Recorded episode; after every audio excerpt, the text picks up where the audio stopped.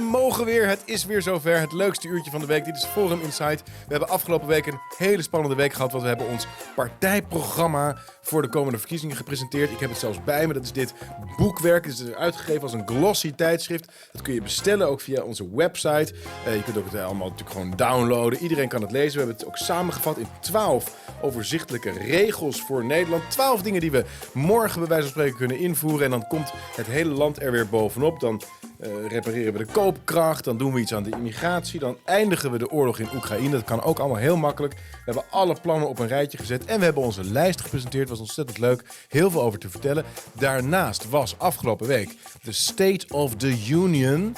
Uh, dat is dus maar het jaarlijkse uh, politieke hoogtepunt van de EU. En Marcel de Graaf is vandaag de gast. Hij is onze Europarlementariër natuurlijk in Brussel en Straatsburg. Hij heeft daar van alles nog wat over te vertellen. Want Ursula von der Leyen, dat is de grote baas van de Europese Unie, heeft verteld dat we in een boiling planet leven. Dat wil zeggen dat de oceanen die staan op het punt om het kookpunt aan te tikken. En de wereld is aan het verschroeien. Daar gaan we het allemaal over hebben. Maar we hebben ook onze lijst gepresenteerd. We hebben ook uh, komende week de uh, Prinsjesdag en algemene beschouwingen. Dus dat is maar vanuit Den Haag dan het politieke hoogtepunt een beetje van het jaar. We hebben natuurlijk weer Post en Ralf.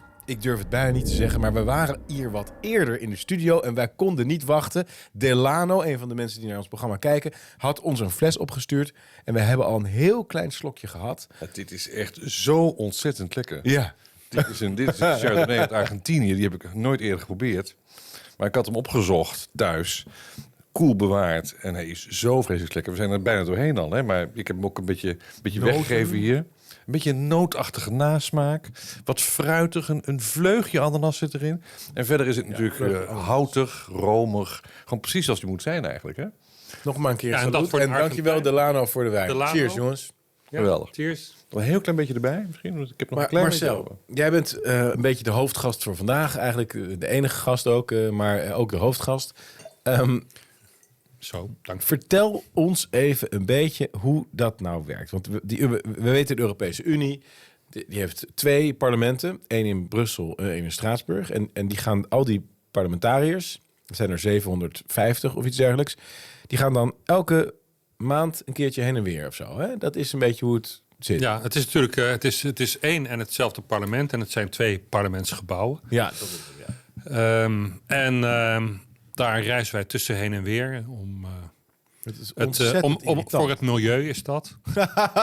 dat, we niet, ja, ja, dat, we, dat we niet op één plek te veel vervuilen. En dan gaan we weer naar de andere plek. En dan dragen we daar weer wat bij aan het milieu. De spreiding, daar hebben we een wet voor in Nederland. Ja, ja. Althans in de om de, de, de, de, de lokale prostitutie ook de ruimte te geven om weer even bij te komen.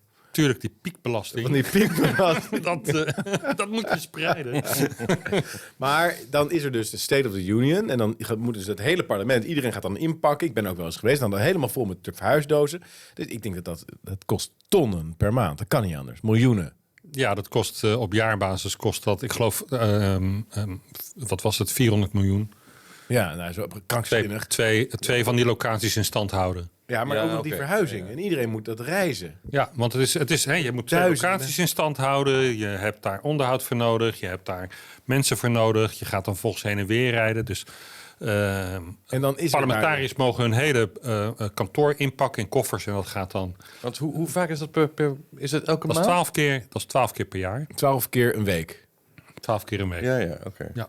En dan slaap je in een hotel, of neem ik aan? Of... Slaap je in een hotel. De plaatselijke horeca is daar ontzettend blij mee. Ja, dat zal wel, dus, ja. uh, de Franse regering doet ook echt wat uh, voor uh, die door de COVID-maatregelen getroffen horecaondernemers. Want die houdt Straatsburg in stand. Dus dat is... Maar, maar dan, en dan houdt dus Ursula von der Leyen, die door niemand is gekozen. Ja. die niemand ook, waar niemand een band mee heeft. Die houdt dan een speech de State of the Union. En de, ja. die naam is afgeleid van de Amerikaanse presidenten. Die doen dat ook hè, elk jaar. De, de State of the Union, dat is dan de Amerikaanse president die dan...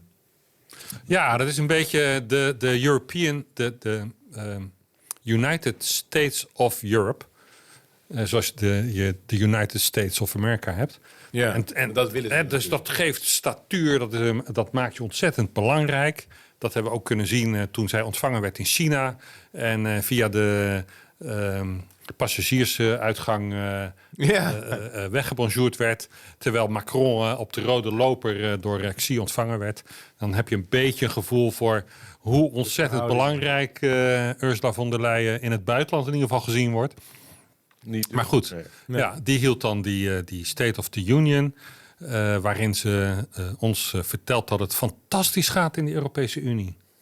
Echt fantastisch. Ik was stom verbaasd. Maar het is dus, het is dus een speech, hè? even voor de duidelijkheid. Dus het, is een, het, is een, het is een grote speech, ja. één keer per jaar. En dan, dan, dan, dan de, de, de leider van Europa, die vertelt dan... Uh... Nou, die vertelt dan, uh, hoe staan we ervoor? De State of the Union, hoe, hoe staat de Europese Unie ervoor? En die geeft dan ook nog een klein blikje naar voren. Van, en waar gaan, wat, waar gaan we naartoe? En iedereen zit gespannen natuurlijk daarop te wachten. Van wat gaat daar nu weer komen? En dan blijkt dat het fantastisch met ons gaat. Wat, wat, me, wat me echt vreselijk verbaasde. De rest van de mensen om me heen trouwens niet. Die hadden allemaal het idee van het gaat fantastisch met de Europese Unie. Ik niet, want wij zijn in een economische recessie beland. Ja, tuurlijk. Uh, we gaan, hoe dat komt. Ja, we, we, uh, we hebben onszelf uh, diep de nesten ingewerkt door al die sancties die wij Rusland hebben opge opgelegd. Er overweegt 1 miljoen, echt 1 miljoen Duitse bedrijven overweegt om uit Duitsland te vertrekken. Ja, ongelooflijk. Duitsland is in een recessie terechtgekomen. Daarmee de hele Europese Unie in een recessie uh, gekomen. Dat gaat als die miljoen vertrekken nog vreselijk veel erger worden. Maar Ursula, zelf een Duitse, die ziet dat heel anders. Want die ziet onze klimaatplannen fantastisch uh, uh, op gang komen. Um, die ziet uh, dat wij schouder aan schouder uh, staan om Oekraïne te beschermen tegen die lelijke Russen. Dus kan niet beter. Nou, persoonlijk denk ik, vraag het gewoon aan uh, de gewone man. van de week ook weer een bericht in het nieuws. De Nederlandse burger, die is er gewoon, wat is het, 1,4% op achteruit gegaan. En dat is de grootste daling in de afgelopen 40 jaar. Ja. Uh, het gaat fantastisch, jongens. Nou, echt werkelijk. Wat mij betreft konden ze er uh, gelijk afvoeren, maar ze kregen gewoon de ruimte om, om dit onzinverhaal, nepnieuws, in mijn beleving, gewoon uit te dragen voor het hele parlement. Maar men is daar toch volgens mij in het Europees Parlement zelf en überhaupt de Europese politici, die zijn toch redelijk tevreden over ja, hoe ze gezamenlijk staan tegenover de kwestie Oekraïne bijvoorbeeld. Dat is toch behoorlijk consensus over nog steeds tussen politici, tussen de leidende politici in Europa, volgens mij. En daar verwees ze naar van we hebben meer homogeniteit, meer saamhorigheid binnen de politiek dan wel te verstaan mhm. eh, dan ooit. En ik, dat zou dus waar kunnen zijn. De bevolking is wat nou, anders. Ja, maar nou, dat is goed dat je dat op die manier juist brengt. Want dat zegt eigenlijk wij als kartelvrienden onze vriendschap is sterker dan ooit. Nou ja, exact. Ja, dat is wat ze dan eigenlijk zegt. Weet je? Ja, of je nou uh, van uh, de socialisten bent, of christendemocraat, of je bent uh, liberaal. Hè, de, de, wordt, de, club, zo, de club werkt, Hofstad, zeg, zeg, maar. Zo werkt macht toch ook? Zo, zo, zo wordt toch... zo, zo, zo werkt het besturen van een land, toch? Zo ging het ook in Nederland uh, in de tijd van de verzuiling. Die, die, die, die, die groepen die gingen niet met elkaar om en die waren het allemaal niet mee eens. Maar die verzuilde, die elites van die diverse zuilen, die, die gooiden het op een akkoordje met elkaar. en dat, dat, is, het kartel in Nederland. En dat heb je dus inderdaad Europa ook. Ja, absoluut. Hè. Dat is, uh, of, of, het, of je nou op uh, nationaal niveau praat of je kijkt naar de Europese Unie. Dat uh, oppositie voeren en nog eens een keertje echt op een ander standpunt staan, dat is al heel lang verleden tijd. Ja. Dat is in, in, in de Europese Unie niet alleen zichtbaar in dat ze zeggen van ja, kijk, we staan allemaal schouder aan schouder ten koste van onze eigen burgers, ten koste van de economieën van de lidstaten. Denk je nou echt dat die Duitse industriëlen niet gewaarschuwd hebben richting die regering van Scholz? Natuurlijk wel. Iedereen die heeft zoiets van, waar zijn jullie mee bezig? Maar nee, ze trekken allemaal netjes één lijn en dus zijn ze met elkaar hartstikke tevreden. En de burger, die is de pineut. Het vertaalt zich nog niet in een enorme groei van, van de, de tegenbeweging in de politiek, of wel? De AFD is wel aan het groeien, maar is dat al enorm groot geworden? Uh, AFD, uh, daarvan, die zijn in sommige uh, Bundesländer zijn die de grootste. En er is volgens mij zelfs, ik dacht dat het uh, Saxe was, of Brandenburg, daar zijn ze, hebben ze de absolute meerderheid. Oké. Dus je kan erop op rekenen dat ze die echt met alle mogelijke modder die er bestaat aan het besmeuren zijn. Ja, met politieke processen. En, uh, ja, ik hoorde haar spreken over hydrogen. Ze, de, ze, ze spreken het een beetje vreemd uit, hydrogen. Uh, waterstof dus, hè? de waterstofeconomie. Ja. En daar gaan ze enorm op inzetten. Dat is echt een van de Europese speerpunten, begreep ik, van, uh, van haar speech. En ze hebben het ook, dat vond ik wel leuk, ze heeft het ook over clean steel. En omdat ik uh, in Noord-Holland zit, in de provincie, en al die Tata-discussies zijn, dan is clean steel wel grappig. Dat is dus uh, staal wat je maakt uh, met een, een waterstofverwarming, zou ik maar zeggen. Hè? Dat waterstofverbrandje.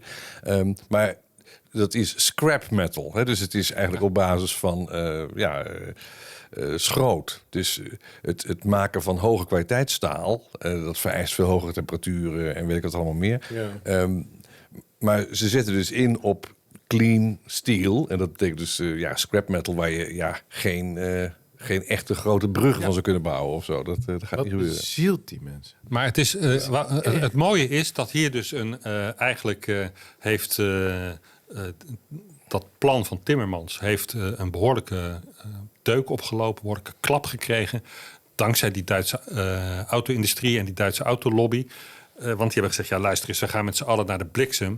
Als, uh, als het inderdaad doorgaat dat in, uh, wat is het, 2035 er geen enkele auto meer verkocht, verkocht mag, wor mag worden die op een brandstof rijdt. Ja. die dus elektrisch moet zijn. Nou, dat betekende dat de, hoe heet dat, de Europese Commissie een draai moest maken. Dat hebben ze ook gedaan. En nu wordt gezegd van uh, waterstof, dat is uh, eigenlijk wel een schone brandstof. Dus dat mag dan wel. En daarmee zie je dat ze hebben voor een deel bakzaal moeten halen. En vervolgens wordt dat verkocht als... wow, we hebben een ja, prachtig ja, ja. speerpunt van schone energie. Dat is, het is maar net hoe je het, hoe je het vertelt. En clean steel, dat doet me denken dat ik was in een supermarkt um, um, van de week... En daar zag ik, uh, het is natuurlijk uh, warm geweest afgelopen zomer. Dus daar hadden ze nog van die zakken met houtskool. En daar stond in het Engels op Sustainable Carbon. is er iets minder, volgens de klimaathysterici, is er iets minder duurzaam dan hout verbranden? Nee, dat is het ergste wat je kan doen. En dan staat gewoon op zo'n zak duurzaam houtskool. Ja, jongens, echt. Ik vind het geweldige marketing. Ik hou daarvan. Ik vind dat grappig. Maar het is ongelooflijk. Die, die Europese Unie, die, die dus inderdaad de, het, het hele continent nu in de totale afgrond stort. Dus de, ja. Het klimaat is, is één van de dingen. Ja. Het tweede is natuurlijk de immigratie. We zien daar ook weinig over in de pers, maar de hoeveelheid mensen die nu via Tunesië en andere plekken naar Europa... Lampedusa van de week. Lampedusa is enorm. Het derde is natuurlijk die oorlog in Oekraïne, de oorlog tegen Rusland. Uh, ik zie ook dat ja, de politici niet aan het uh, terugkrabbelen zijn. Die, die, die gaan maar door. De F-16's gestuurd. Uh, ze zijn echt totaal niet bezig met na te denken wat het belang is van de bevolking. Wat is nou het belang van de Nederlander? Waar hebben wij nou belang bij? Frankrijk, Duitsland. Maar ze zijn in, ja. de, in de ban van een, een, een ja, met een duurwoord zou je kunnen zeggen, een eschatologische fantasie. Een, een idee over dat ze een, een eindtijd of een volgende fase in de wereldgeschiedenis moeten afdwingen, waarin er de etnische samenstelling structureel is veranderd. Hè, waarin dus geen, Europa niet meer een blank continent is, niet meer dominant blanke werelddeel is, maar he, een totaal mengelmoes. Dat is echt, dat hebben zij in hun hoofd. Die oude nazistaten, die zijn die niet homogeen genoeg of niet diverse genoeg, zoals Timmermans dat regelmatig heeft gezegd. Te homogeen. Het zijn te homogeen. Ja, niet homogeen, niet, precies, niet divers genoeg, te homogeen. Um, de, dus dat klimaatverhaal, dat is natuurlijk een, een een, een seculiere incubatie van het, de zondvloed-fantasie uh, van, uh, uit, uit, het Oude Testament. Mozes, de ark van Noach. Uh, niet Mozes, maar wel Noach. Maar dat hele verhaal.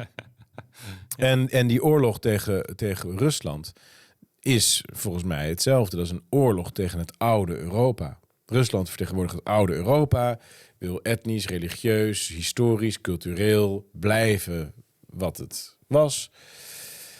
En uh, dat is en, en houdt ook van fossiele brandstoffen, wil een multipolaire wereldorde.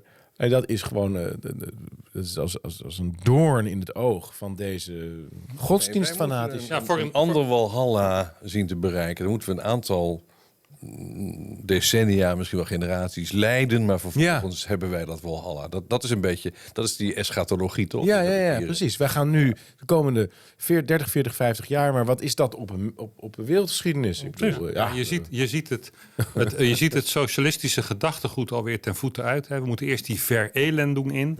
Het moet, we moeten eerst allemaal diep in de ellende en dan daarna dan uh, bouwen we de helft Ja. Dat noemen ze uh, uh, eigenlijk in die elitaire kringen noemen ze dat anders. Dan zeggen ze build back better.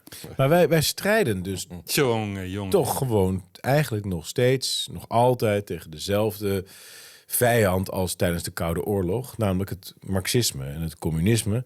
Alleen dat zit nu niet meer in, in het oosten, dat zit hier. Ja, het, kijk, wat je zag in de Sovjet-Unie is dat uh, alle macht die lag bij een, een elite. En, en dan kan je het politbureau noemen of uh, het partijkader. Dat, dat maakt eigenlijk niet uit. Het was gewoon een bepaalde elite. En die bepaalde dat in die planeconomie, want dat, dat hadden ze, die bepaalde eigenlijk het leven van iedereen. Ja. Uh, wat je nu ziet is dat uh, het uh, communisme is ten val gekomen in de Sovjet-Unie. Daar is een heel ruw kapitalisme in eerste instantie ontstaan. Echt, echt hard. Hè, waar, waar, die oligarchen... Ja, roofkapitalisme, ja, zeggen. Echt, waar, die oligarchen... Waar die, waar die oligarchen die zwaarde zakken hebben kunnen ja. vullen. Waar alles, waar dan ook alles geprivatiseerd werd. En waar het Westen helemaal dolgelukkig van werd. Ja. Want Rusland is stampend vol aan allerlei uh, uh, bodemschatten. En dat werd uh, geprivatiseerd. En dat kon allemaal met een sneltreinvaart goedkoop het Westen in. Ja. Nou, vervolgens kreeg Poetin daar het voor het zeggen. En die heeft dat in de afgelopen decennia stuk jaar na jaar na jaar meer teruggedraaid. Poetin kwam aan de macht op 31 eh, december 1999, geloof ik. Hè? Dus die, hij is precies 23 jaar, ja, iets meer dan 33 jaar aan de macht. Ja, en hij is dat gaan terugdraaien. Hij heeft gezegd van nou, dit werkt niet. Dit is uh, uh, een maatschappij die we met z'n allen niet willen. Dus hij heeft ervoor gezorgd dat dat uh, um, teugeloze kapitalisme dat dat werd ingeperkt dat alles wat uh, noodzakelijk en essentieel is voor een staat, dat dat ge, uh, weer terug genationaliseerd werd. daar heeft de, de, staat iets uh, van te vinden en over te zeggen. Neem bijvoorbeeld watervoorziening of energievoorziening of bodemschatten. Dat, dat, wij, hadden, wij hadden in Nederland ook de staatsmijnen. Want dat waren de, de, de bodemschatten van Nederland voor de Nederlanders.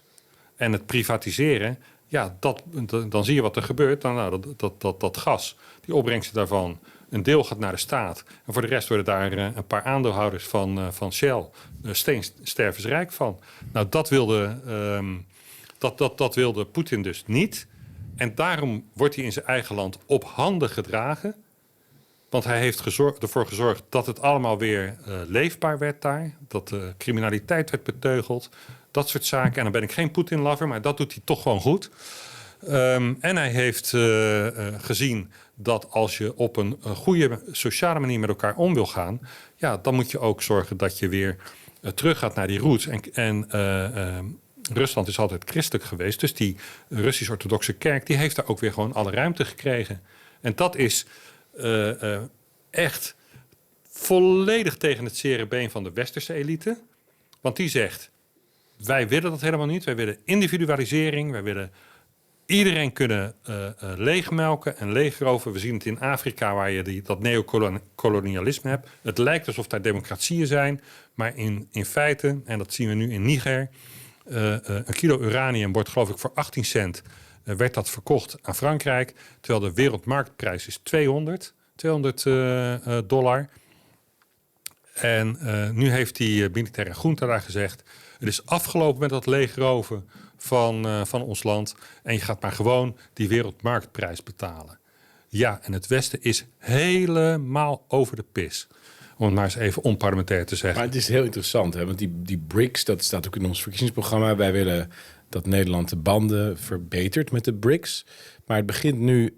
Ik ben heel erg opgegroeid en ik ben natuurlijk een stuk jonger dan jullie. Maar ik denk dat jullie nog veel meer zijn opgegroeid met het idee dat Amerika uh, staat eigenlijk voor de gemeenschap van beschaafde landen. En steeds meer landen sluiten zich daarbij aan. En dat is eigenlijk de richting van de geschiedenis. En het is een kwestie van tijd. Sommige landen lopen wat achter, maar andere. En, en, die kant gaan we uit met z'n allen. En er komt nu een soort alternatief. Er komt een soort tweede. Uh, spoor, als je het uh, in die termen wil zeggen.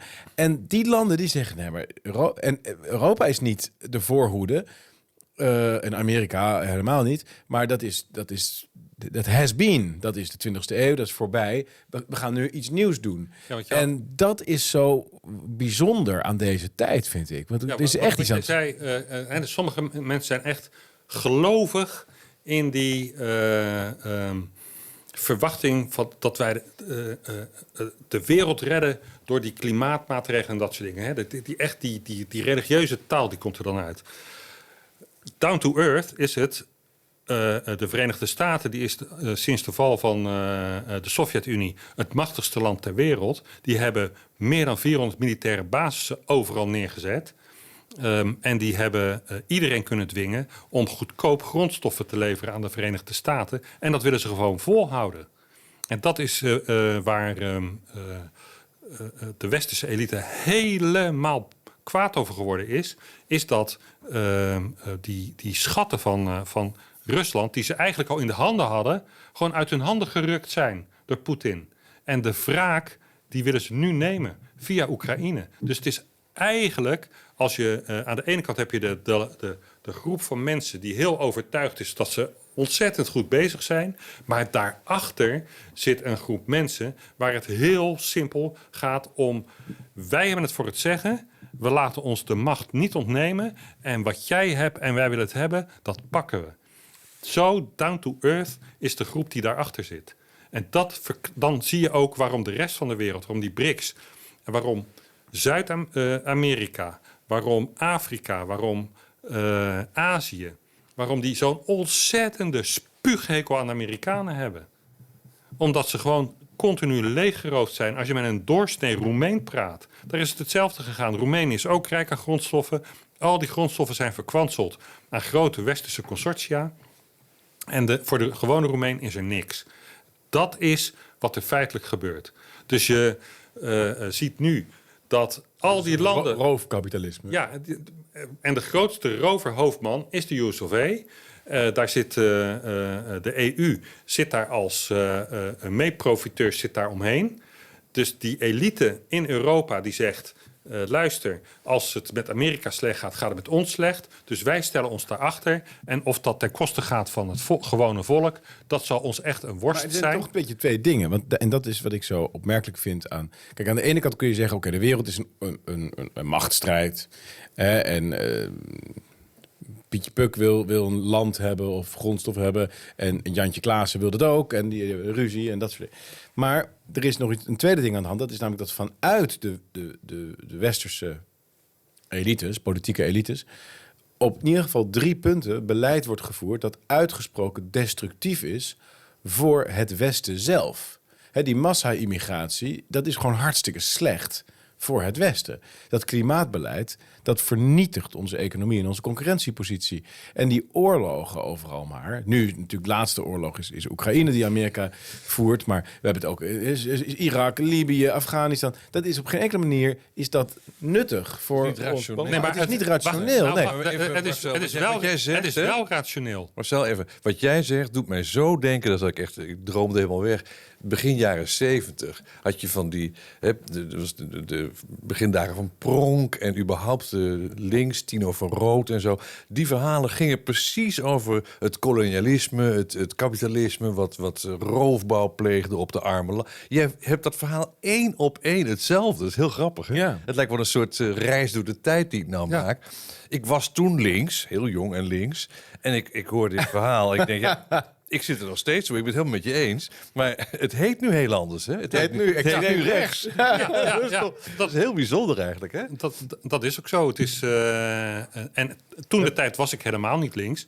Maar uh, um, op dit punt zie ik toch dat er wel, uh, wel degelijk een punt gemaakt is. Ja, nee, ik ben het helemaal met je eens hoor. Ik voel het ook zo. Ja. Uh, maar ik ben het ook met Thierry eens dat je ziet diezelfde bewegingen. Maar in het verleden had je dan het idee van ja, die landen die verrijken zich gewoon ten koste van Afrika enzovoort.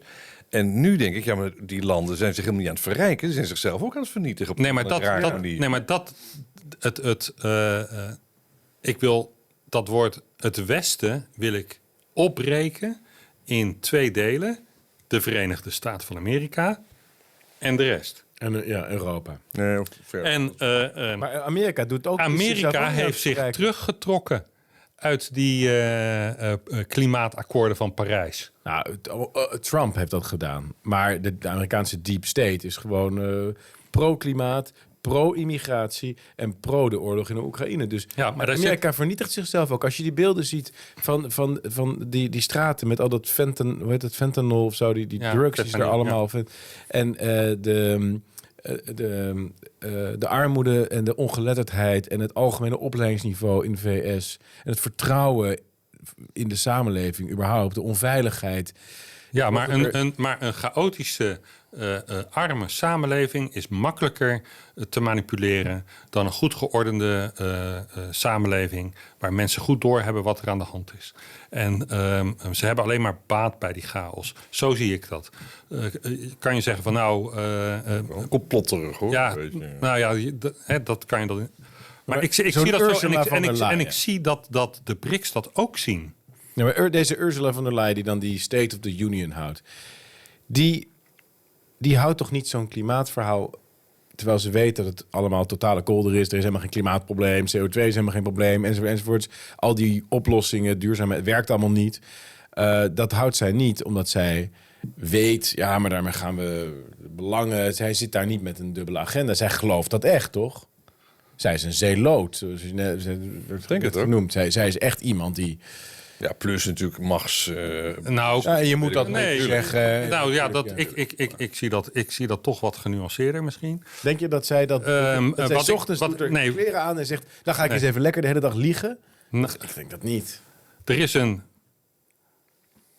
club rijke mensen die verdienen aan medicijnen. Zo, dat kun je wel zeggen. Dat is Big Pharma. Dat is Big Pharma. Er is een club die verdient aan oorlog, energie. Er is een club die verdient aan wapens.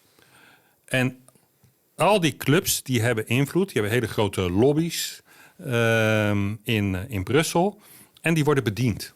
Dus de, zeg maar, is een hele grote pot. Nou, gaat, uh, uh, dit jaar gaat er wat meer naar Big Pharma. En volgend jaar gaat er veel naar de wapenindustrie. En het jaar erop gaat er weer een hoop naar die energielobby.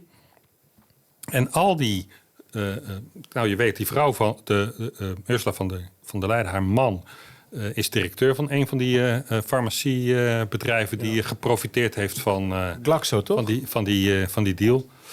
Um, was het Glaxo? Weet ik niet, weet ik niet uit mijn hoofd. Volgens mij was het een, een, een, een specifiek thuisbedrijf. Wat je, wat je ziet is um, dat een heleboel mensen die ontzettend links zijn uh, uh, mede-eigenaar zijn van bedrijven die subsidie, subsidies krijgen voor windmolens. Daar gaan miljoenen en miljoenen naartoe. Um, en zo, zo de een na de ander wordt gewoon bediend. Het is vergelijkbaar met destijds ontwikkelingshulp. Ontwikkelingshulp werd opgedeeld in drie porties. De christelijke zuil die kreeg een derde, de socialistische zuil kreeg een derde en de liberalen kregen een derde. En zo werd dat. Uh, ze kregen de dat... NGO's. Hè, dus dat ontwikkelingsgeld gaat naar NGO's naar niet-gouvernementele organisaties, naar stichtingen. En die mogen dat dan vervolgens uitdelen in die arme landen. En het grappige was dan, of niet, eigenlijk niet grappige, dat, een dat, dat, dat van elke uh, gulden destijds er uh, ongeveer tussen de 10 en de 20 cent in die organisatie bleef hangen. Ja. En de rest werd dan wel uitgegeven, maar die organisatie had natuurlijk zijn eigen instandhoudingskosten. Uh, dus, en daar zaten dan al vriendjes. Uitgerangeerde politici, noem het allemaal maar op. Dus op die manier uh, ging toen al de baantjes carousel. Maar uh, waterputten slaan in, noem eens wat, Ethiopië. Dan is er een bedrijf wat het contract krijgt om die waterputten te slaan. Ja. En raad eens wat, dat was dan weer geen Ethiopisch bedrijf. Mhm. Snap je hoe die werkt? Nee, maar als het een Nederlands bedrijf was, ja. dan kan je zeggen: oké, dat is goed voor Nederland. Ja, dat is goed voor Nederland. Maar, maar wie is dan de eigenaar weer van dat bedrijf? En dan, uh, uh, ja, ik, ik, ik, roep maar even wat Indonesië Hollandia Close. Oké. Eigendom van de familie Lubbers. De 3R. Begrijp je? Dat, dat gaat dan in de familie, blijft, dan, dan blijft het in ieder geval in de familie. Laat ik het zo zeggen. Dus dat is allemaal, nou ja, het is legaal, maar Iedereen lekker is het niet. Ja, Je begrijpt wat ik bedoel. Het is niet de gewone man die profiteert. Nou, dit, dat is een systeem wat we al sinds jaren en dag in het Westen hebben. Uh, nou, op een gegeven moment werd die ontwikkelingshulp uh, onhoudbaar qua narrative. Hè, qua, qua dat, het, dat we allemaal zo goed doen in, in Afrika. Want er was wel al 30 jaar was er al geen voortgang te zien in die landen. Dus dat moesten ze, moesten ze vanaf. Nou, en dan verzinnen ze weer een ander verhaal. En elke keer komt er weer wat, maar het mechanisme van hoe dat geld verdeeld wordt en bij wie dat terechtkomt, dat mechanisme is al tientallen jaren hetzelfde. Dus het is een cynische visie misschien, maar... Ergeren. Hm? Je loopt je arme man. te ergeren in Brussel. Die arme Straatsburg. En maar dus, weer dus, hoe, dus hoe naïef, vraag ik me dan af, hoe naïef is Ursula van der Leyen werkelijk? Nou ja, oké. Nou, ik denk niet zo heel naïef. Kijk, ik heb net een boek eh, af hè, over stikstof. Dat heet Niemand in de cockpit. En dat beschrijft uh, hoe in de afgelopen 50 jaar dat klimaatbeleid, maar met specifiek ook stikstofbeleid, tot ontwikkeling is gekomen doordat het begint allemaal in 1972. De Club van Rome heeft dan een, grenzen aan de groei. Die zeggen ja, de, de natuurlijke hulpbronnen raken elk moment op en uh, de vervuiling neemt toe en, de, uh, en dan komt de, de wereld stevend af op een ramp. En dus we moeten die groei moeten we indammen.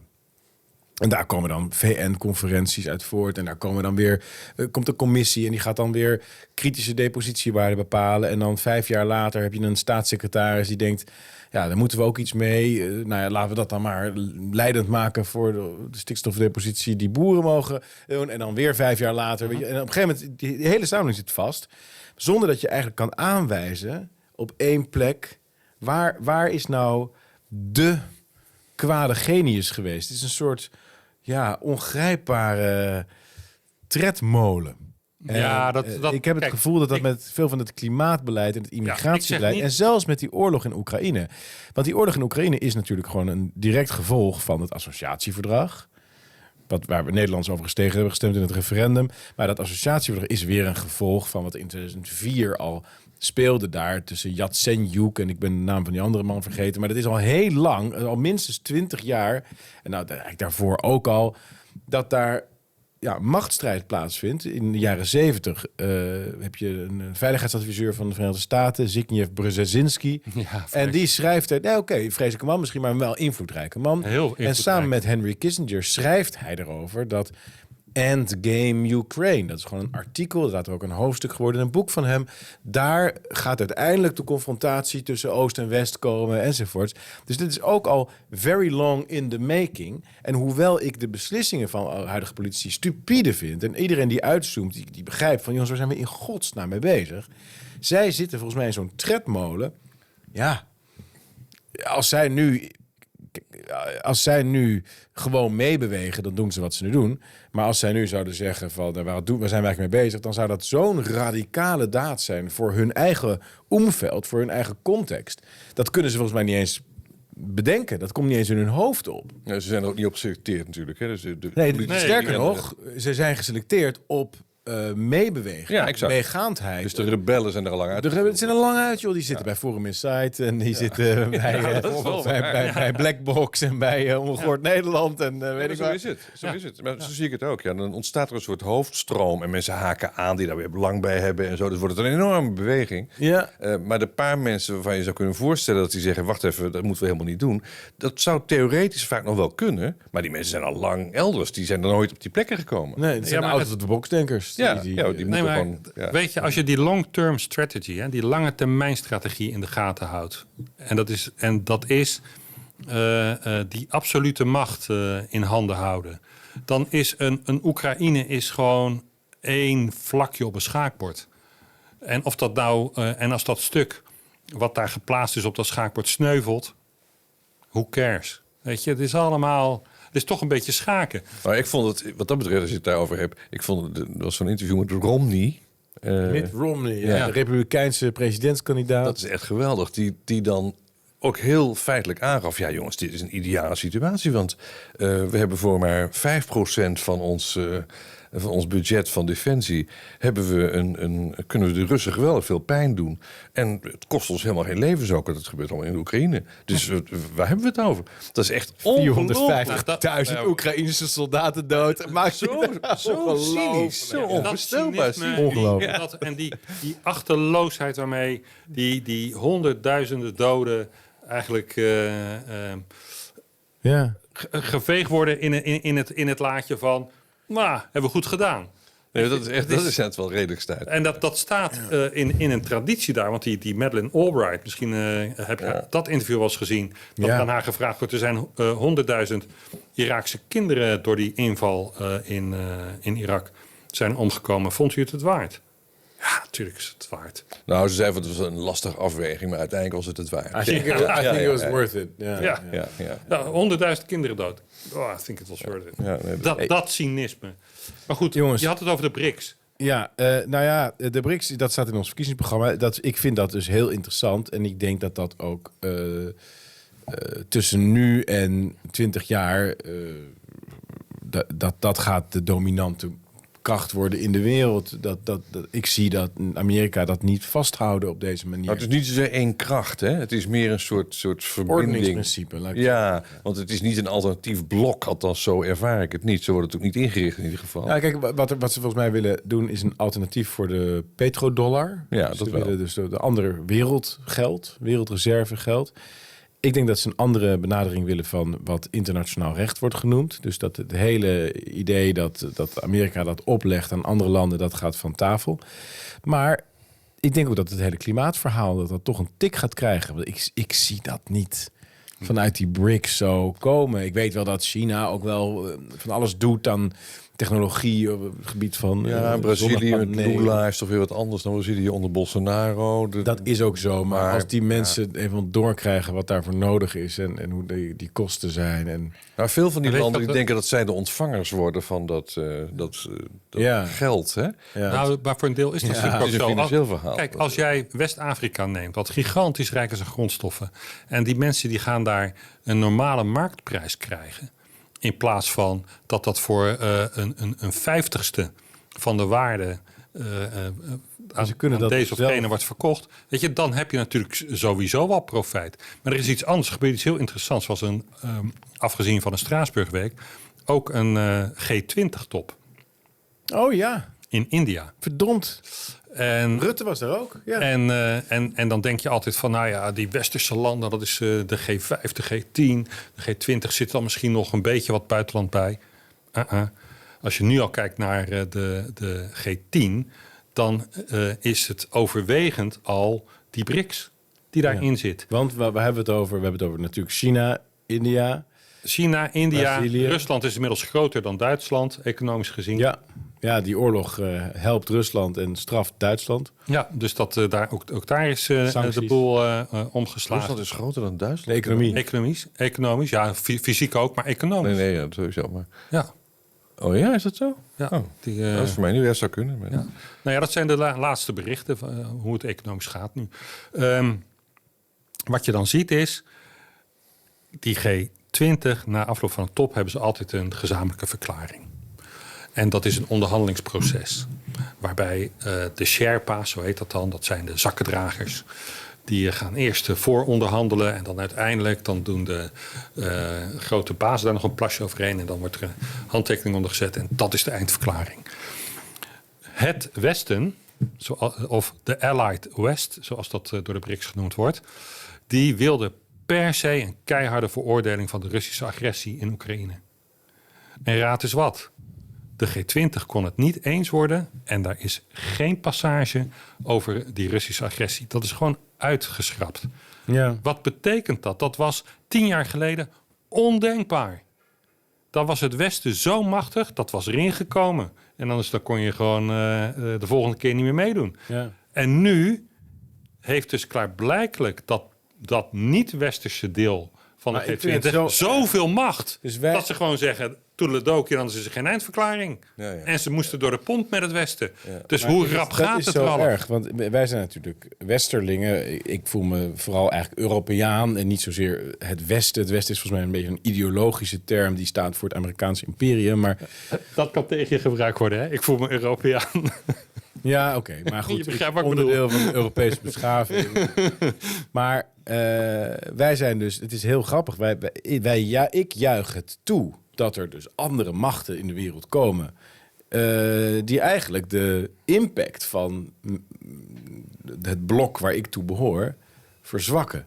Omdat ik van mening ben dat het blok waar ik toe behoor, Europa, het Westen, whatever, dat dat in de ban is van verkeerde ideologische lijnen, hoofdlijnen. En dat gaat inderdaad over uh, wat we noemden: immigratie, klimaat, uh, het, het, het COVID-verhaal, de oorlogen, wokeism, LGBT. Eigenlijk over de hele, al de grote thema's, ook waar wij voor strijden om dit, dat te veranderen. Maar je hebt waarschijnlijk ook wel gelijk dat er een bepaald soort perverse prikkel zit. Want onze economie functioneert niet goed. Je ziet een kleine groep mensen die wordt steeds rijker en rijker. En hele grote BlackRock en andere grote investeerders. En de, de middenklasse, ja, dat wordt langzamerhand een onderklasse. Dus dat vind ik ook verschrikkelijk.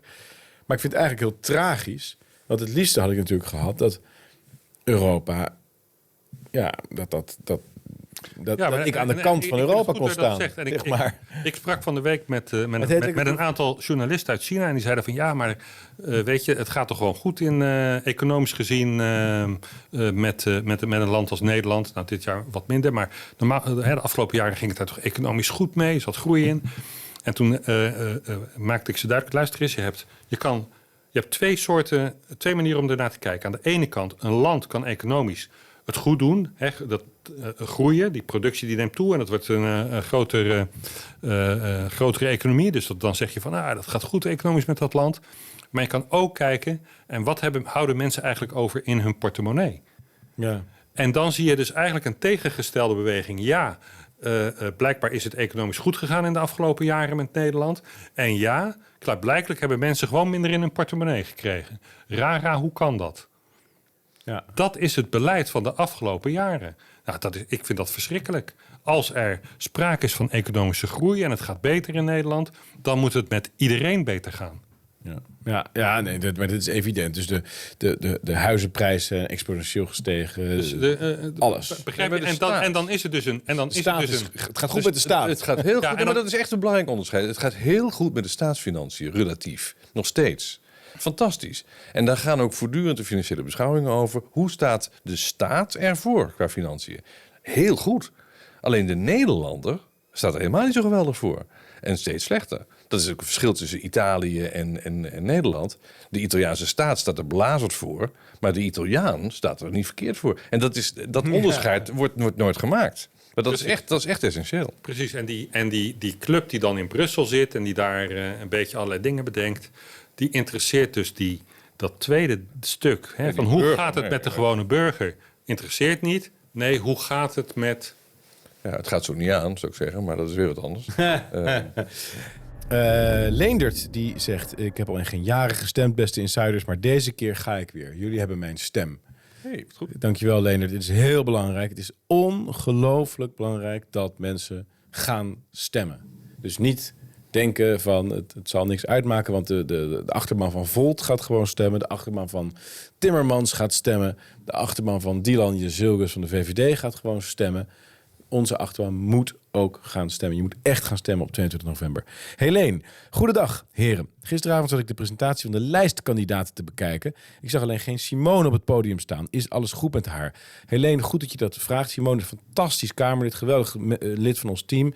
Maar zij heeft een jaar geleden een dochtertje gekregen, Chloe. Eh, een prachtig, prachtig meisje. En zij wil een andere werk-privé-balans. Dus zij gaat wel dingen blijven doen voor ons en ook voor International. Ze heeft nu net een documentaire gemaakt over Zuid-Afrika. Echt een, vijf kwartier, echt een prachtig werk. Ze, zal blijven publiceren. Ze blijft van alles nog wat doen, maar juist dat kamerwerk, uh, dat, daarvoor kiest uh, ja, nu een andere rol. Dus dat begrijp ik eigenlijk al heel goed. Um, Emiel, Insiders, het nieuwe partijprogramma is er. Gefeliciteerd. Mijn vraag is, wat zijn de grootste verschillen met de vorige partijprogramma's? Succes met de campagne. Dankjewel, Emiel. Een van onze grote nieuwe dingen is dat wij een asiel willen verlenen aan Julian Assange en Edward Snowden. Dat is echt nieuw. Dat hadden we nog niet eerder in ons verkiezingsprogramma. Verder hebben we een heleboel dingen uitgebouwd en uitgebreid. Zoals over woke, zoals over natuurlijk de oorlog in Oekraïne. Dat is een actualiteit, dat is nieuw. CBDC staat er ook uitgebreid in. We hebben ruimte voor crypto's. Zijn dingen die we nog niet eerder geformuleerd hadden. Maar ik zie toch ook wel heel veel continuïteit in ons verkiezingsprogramma. wat ik goed vind is eh, dat we dat nu expliciet ingezet hebben... is de rol van cashgeld. Nou, iedereen zegt cashgeld moet blijven en zo. Dus op zich is dat niet nieuw. Maar wat we ook gezegd hebben is... banken mogen niet geld rekenen uh, voor het inleveren van cash. En dat, is, dat doen ze nu wel. En dat is een van de drivers waardoor het voor de middenstanders vaak heel ongunstig is om cash te hebben. Want dan moet je afstorten. Dat kost hartstikke veel geld relatief. Dus een van onze, onze dingen is, die banken mogen daar gewoon geen geld voor rekenen. Uh, en dan wordt het echt pariteit tussen giraal en gartaal. Ja. Dus tussen cash en, en met, met de pinpas. Uh, en dan kan je nog kiezen voor de pinpas, verder fijn. Maar het moet dus niet een nadeel zijn als je met cash werkt. Dat is het nu wel. En dat vind ik een heel belangrijk punt. Ja. Ja. ja. heel goed. En een van de dingen die ook nog niet eerder op ons uh, vizier zat, dat is jeugdzorg. En daar ben jij ook in gedoken, hè Ralf? Ja, jeugdzorg is zo'n onderwerp. Uh, ik heb steeds vaker gehad bij onze caravaans bijvoorbeeld... dat de mensen op je afkomen met verhalen dat ze hun kinderen kwijt zijn aan de staat. Nou, dat was voor mij echt totaal nieuw. Wat is dat? Nou, naar aanleiding van die, die toeslagenproblematiek is dat natuurlijk ook naar voren gekomen. Dus ik ben toch eens gaan kijken van hoe zit dat nou? En ik heb me een heel klein beetje georiënteerd. En ik ben nog lang niet een deskundige, want het is een heel veld, een hele wereld die je opentrekt. Ja. Maar een van de boeken die je dan tegenkomt is deze. Uh, Karaktermoord op een klokkenluider hè, van uh, Yvonne Brinkering. En dat is een van de vele uh, ja, klokkenluiders, mensen die aan de bel trekken en zeggen... het hele jeugdzorgfenomeen in Nederland levert veel te veel uithuisplaatsingen op. En dat is echt heel ingrijpend. Hè? Als ouders in hun uh, ouderlijke macht zeg maar worden overruled door de staat... en dan die kinderen worden, worden weggeplaatst elders. En zeker als je dat combineert met de, de financiële prikkels... die er in dat hele veld worden toegepast voor die instellingen... die voor een deel private instellingen zijn geworden. Hè? Dat is een beetje privaat-publiek combinatie geworden, dit hele, hele gebeuren... En last but not least, eh, er wordt een logica gehanteerd van hechting. Dat is een heel belangrijk fenomeen in het beoordelen van wat doe je met kinderen in zo'n situatie van jeugdzorg. En hechting betekent dat als een kind langer dan zes maanden uh, uit huis geplaatst is en jonger is dan vijf jaar, dan wordt ervan uitgegaan dat gedurende die zes maanden er hechting heeft plaatsgevonden in die nieuwe omgeving. En dat je dus niet moet willen om het kind weer terug te plaatsen. Uh, En voor kinderen van boven de 12 jaar geloof ik geldt voor die termijn een jaar. Maar hetzelfde soort denken zit erachter. En dat betekent dus dat door het toepassen van die filosofie... door het toepassen van die financiële incentives in, dat, in die structuur... Uh, hebben wij veel meer uithuisplaatsingen in Nederland... Uh, gewogen qua aantallen, zeg maar, dan bijvoorbeeld een land als Noorwegen, waar we ons graag mee vergelijken. Waar, praten we dan over? Hoeveel worden er in Nederland het huis geplaatst dan? Ja, in de, orde, in de orde van 40.000 per jaar heb ik me laten vertellen. Maar ik moet dat allemaal wel verifiëren. In ver... heel veel is dat. In vergelijking met, met Noorwegen zouden wij op een factor 10 meer zitten. Dus 10, 10 keer zoveel uithuisplaatsingen als in dat land. Dan weet ik niet in hoeverre Noorwegen dan weer. Maar wij doen dus heel veel aan uithuisplaatsingen. En dat zijn regelrechte drama's. 40.000. Dat is gigantisch. Er zouden, er zouden... 40.000 ouders die een kind kwijt zijn. 40.000 kinderen. 80.000 ouders die een kind kwijt zijn. Ja, 80.000 ouders die een kind kwijt zijn. En 40.000 kinderen die hun ouders kwijt zijn.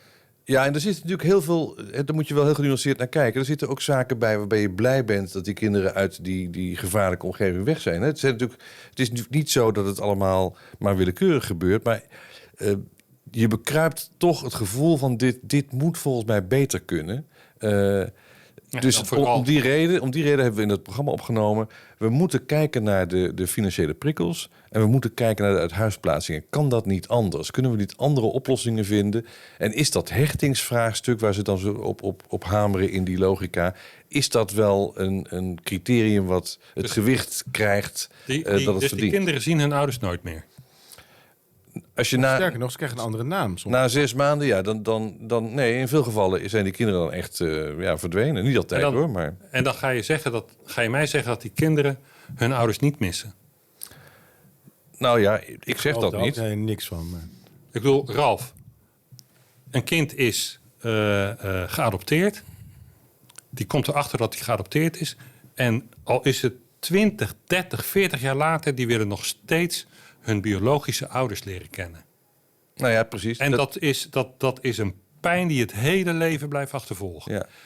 Deze kinderen, die worden bij hun ouders weggehaald. En die gaan die pijn niet voelen over 10 jaar, 20 jaar. En blijft dat niet gewoon jaren en jaren achtervolgen? Ja, ik, en die ik ouders die ook. die ook met dat leed lopen van wat, wat is er van mijn kind terechtgekomen? Oh, dat lijkt me zo afschuwelijk. Maar goed, eh, je moet dat is de je Nederlandse moet het onderwerp, waar je over praat. Ja, maar je moet het onderwerp wel heel, heel voorzichtig benaderen. Want ik denk dat, dat nagenoeg alle spelers in dit veld hebben echt het beste voor uh, en gaan, gaan uit van het belang van het kind. Hè. Dat is de formele uitgangssituatie. Vandaar dat ze ouders ook, ook ja, gewoon uit hun macht zetten om dat kind te kunnen bevoordelen. Ik denk alleen dat de uitwerking van die hele... Ja, als, als jij dat bedrijf, die wel eens heel jij, schadelijk zou kunnen. Nee, maar als jij een bedrijf hebt dat wat verdient aan haar huis uit nou ja, dan vraag je een beetje om... om ja, wat denk je dan wat, uh, wat de deskundige dan zegt? Nee, dat is een hele vreselijke situatie. En wat is dan de stem van de ouders als het, als het al voor de rechter komt?